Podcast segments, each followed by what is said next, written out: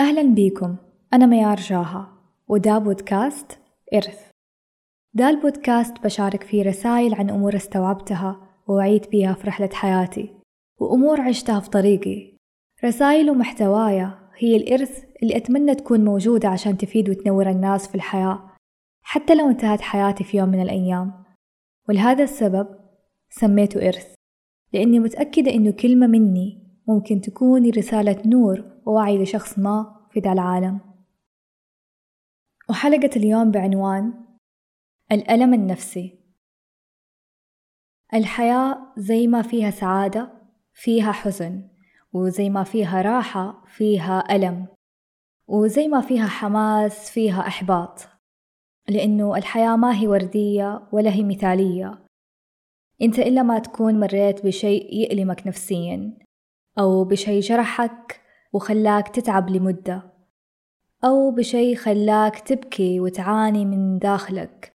وهذا الألم ممكن يكون من أشخاص أو مواقف أو أحداث صارت في حياتك سواء من لما كنت صغير أو صارت في أيامك الماضية أو بتصير في وقتك الحاضر. فالحياة تطلع وتنزل وحتكون يوم فوق ويوم تحت. أتقبل ألمك وحزنك ووقتك الصعب وأعرف إنه أبدا مو سهل هذا الكلام. بس حاول لأنه رفضك لهذه المشاعر والأوقات الصعبة ما رح تكون في صالحك ولا تحاول تنكر وجودهم. فلو مريت بشي يألمك لا تقول أنا أصلا ماني متألم ولا تعبان نفسيا. لو مريت بشي يحزنك لا تسلك لنفسك وتقول عادي أنا ما فيني شيء ومو حزين ولا تحاول تقاومهم. يعني مثلا إذا حزنت لا تقول لنفسك أنا لازم أكون سعيد والمفروض ما أحزن أو تحاول تشغل نفسك بشيء ثاني عشان تسكت حزنك وألمك. فبالعكس أتقبلهم وعيش الألم وخذ وقتك. وكل ما حسيت بيه أو عشته حتقدر تتشافى أسرع. فلا تعتقد إنه إنكارك ومقاومتك حتخليك أفضل. لأنه صدقني رح تسكته اليوم لكن حيجي في يوم ثاني ويظهر لك بشكل أسوأ. اللي يهرب من أحزانه وآلامه راح يكتشف إنه مشي في طريق مختصر موجود فيها هذه الآلام والأحزان. فالهروب ما حيفيدك. وحاول تكون شخص واقعي. فمثلا لو ألمك كبير لا تتوقع إنك تتشافى منه في يوم وليلة لأنه زي ما الألم ياخذ وقت فشفائك منه كمان ياخذ وقت. أوقات حتقدر تساعد نفسك بنفسك أو يساعدك كلام أو وقفة شخص قريب منك أو تساعدك رسالة أو مقطع فيديو. أو كتاب. بس أحيانا يكون في ألم كبير في حياتك وتحس إنك ما تقدر تواجهه لحالك. فهنا أطلب المساعدة والدعم من مختص نفسي لأنه أبدا ما هو عيب. صحتك النفسية لها حق عليك. ومن تجاربي الشخصية الموضوع فعلا طلع يستحق. ولا بحياتي فكرت إنه عيب أو مخجل. وبالعكس طلعت من أعظم الأشياء اللي سويتها في حق نفسي.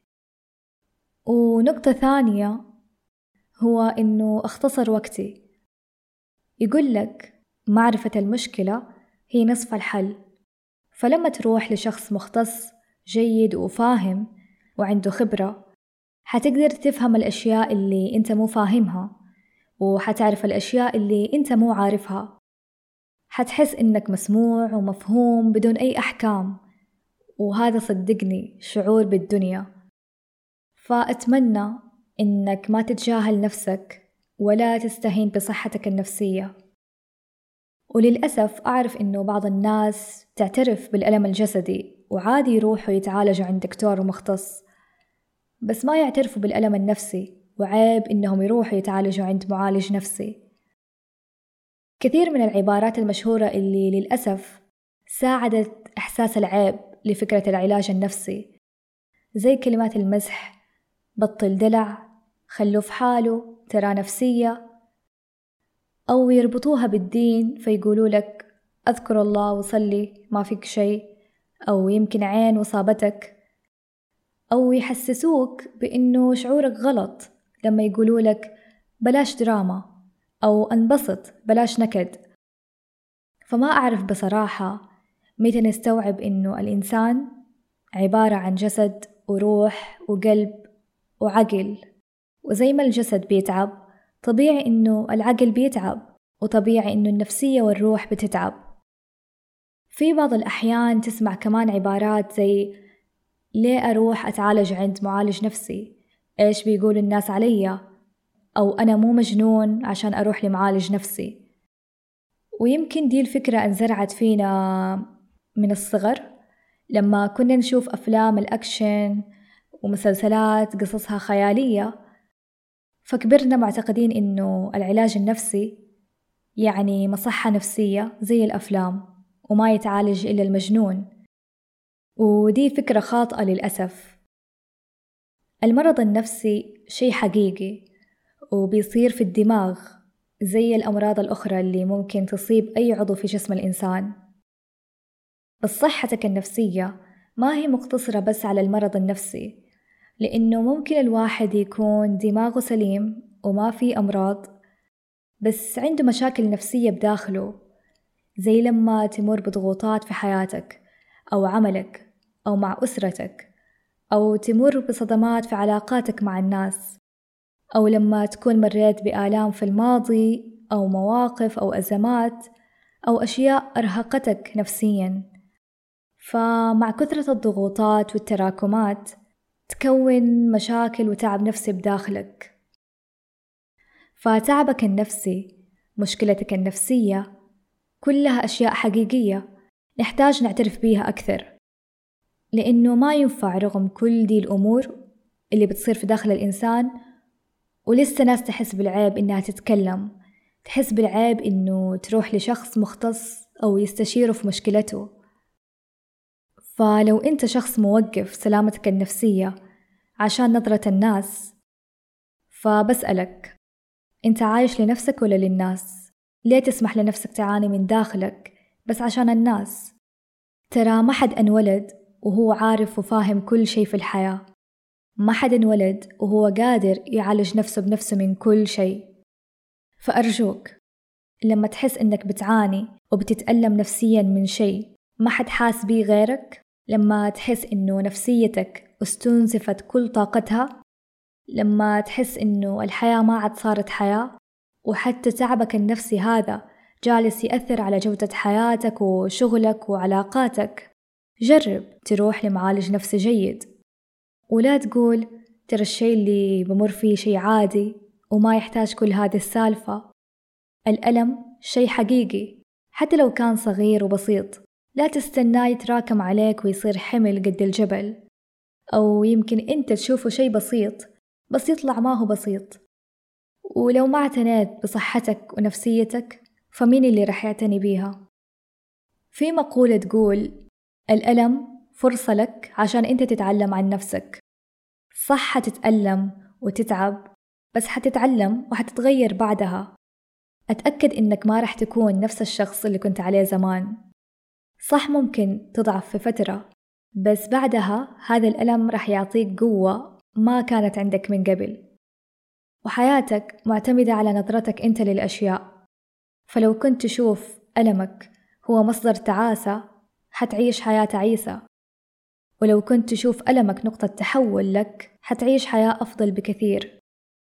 وفي النهاية كلنا بنتعب وبنتألم وبنحزن. وتمر علينا ظروف صعبة وقاسية. وكل شيء يصير لك لحكمة. ما في شيء يصير عبث. الله ألطف من إنه يحملك شيء فوق طاقتك. وطالما حصلت لك أشياء صعبة في حياتك فهي لك عشان تقويك مو عشان تكسرك. وصدقني ما في شي رح يعلمك قد الألم. وبرضو في النهاية أنت اللي تقرر إذا حتتعلم منها وتستوعب الحكمة وتقوى منها أو لا. فرسالتي لك من القلب. الألم اللي تعرضت له ممكن ما يكون بيدك بس بقائك في الألم هو اللي بيدك. فأنت اللي تختار إذا حتبقى عايش طول حياتك مستنزف أو لأ. أنت الروح والشخص الوحيد اللي عايش داخل جسدك واللي بتقضي فيه باقي عمرك. فاعتني بيه روحيا نفسيا وجسديا وحافظ عليه. واحرص إنه يكون مكان جميل تستمتع إنك تعيش فيه. وروحك تستاهل إنك تعيش بحياة فيها الصحة والراحة والسلام. ومهما مريت بمصاعب وآلام في هذا الحياة أتذكر هذه الآية. لا يكلف الله نفسا إلا وسعها. وكون متأكد دايما إنه طالما الله أعطاك حمل ثقيل فحيعطيك يد تقدر تشيل.